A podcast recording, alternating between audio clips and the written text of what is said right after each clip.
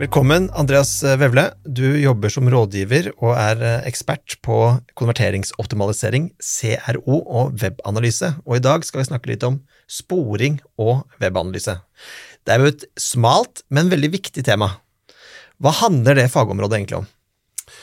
Jo, eh, det handler jo egentlig om å liksom eh, spore effekten av egentlig all den jobben vi gjør, og kanskje spesielt den jobben som vi gjør digitalt. da. Og så handler om å ta tak i den innsikten som vi får av det, og så omgjøre den til noe som virkelig gir verdi for kundene, noe vi egentlig kan handle på. da.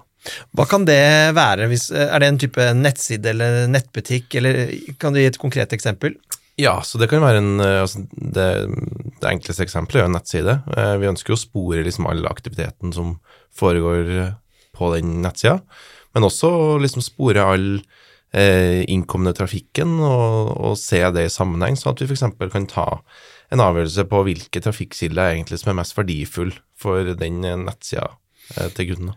Ja, for det er nettopp det. det er, man sporer jo ikke bare fordi man er nysgjerrig, det er fordi man ønsker å gjøre noe, eh, eller vite om det man gjør er riktig, eller om det er ting man kan gjøre annerledes. Hva er, det, hva er de typiske eksemplene man oppdager en sånn type, etter en sånn type analyse?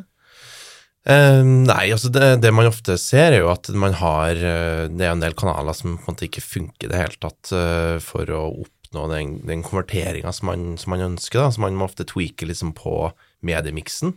Ehm, så og de kundene som er liksom veldig gode på sporing, de har en liksom veldig spissa mediemiks, hvor de vet at liksom de kanalene vi bruker penger på nå, det er de som gir mest mulig profit for oss på andre sida.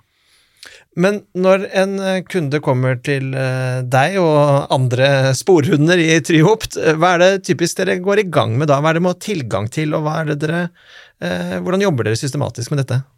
Det, det, første vi gjør, er jo egentlig å kartlegge liksom, hva har de egentlig i dag. Eh, Få gjerne tilgang til det som, det som er, og så vi, bruker vi liksom tid i starten på å egentlig kartlegge alle behov. Eh, snakke litt om hvilke viktige KPI-er de har, og om de har en kultur for sporing i det hele tatt i organisasjonen i dag. Eh, eller om de er fullstendig avhengig av en, en tredjepart, sånn som oss, da, til, til, å holde i det.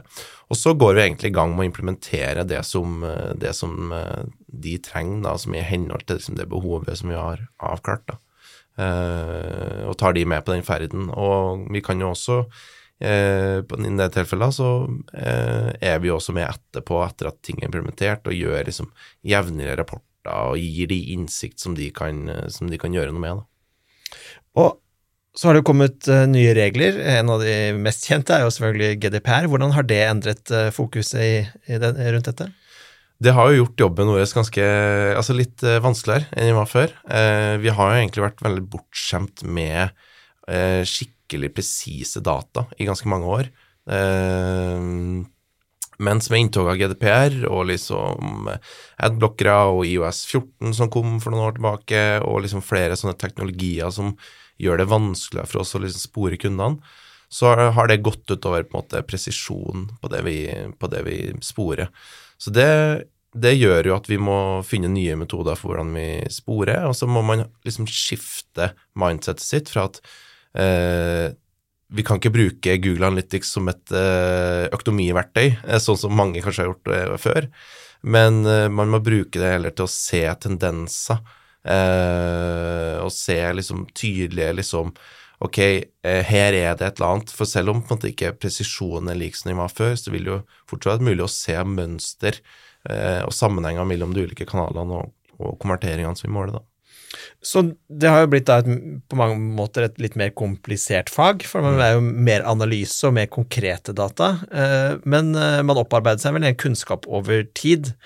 Hvordan er det man som kunde skal jobbe med eh, for å få jobbe godt med dette? Altså, er det noe man kan ta en rusken-aksjon en gang i året, eller er det noe man må jobbe med kontinuerlig? Nei, det, egentlig så, så, så, bør man jobbe med det kontinuerlig. Eh, en del kunder får satt opp dashboard med sine viktigste KPI-er og sånn, men, men, mye av liksom den mest verdifulle dataen får man jo når man liksom graver seg litt ned og setter opp egne eventer og egne sporinger for spesifikke eh, trender som man ser. Eh, så, så, jeg vil jo på en måte anbefale altså, i hvert fall kunder av litt sånn størrelse, og som har liksom mye å tjene på å bruke god tid på webanalyse, de burde ha en person som sitter med, relativt fast med det, da, eh, og har det som jobb å levere innsikt eh, oppover i systemet. da. Og Utvikler dere også da dashbord-løsninger som gjør at kunder kan følge med på dette? Det gjør vi. Så ikke bare setter vi opp liksom grunnmuren med den sporinga du trenger, men vi setter også opp et, eh, et dashbord hvor vi får samla alt og fremstilt det på den mest pedagogiske måten for, for kunden. Tusen takk, det var en veldig nyttig samtale. Andreas Vevle.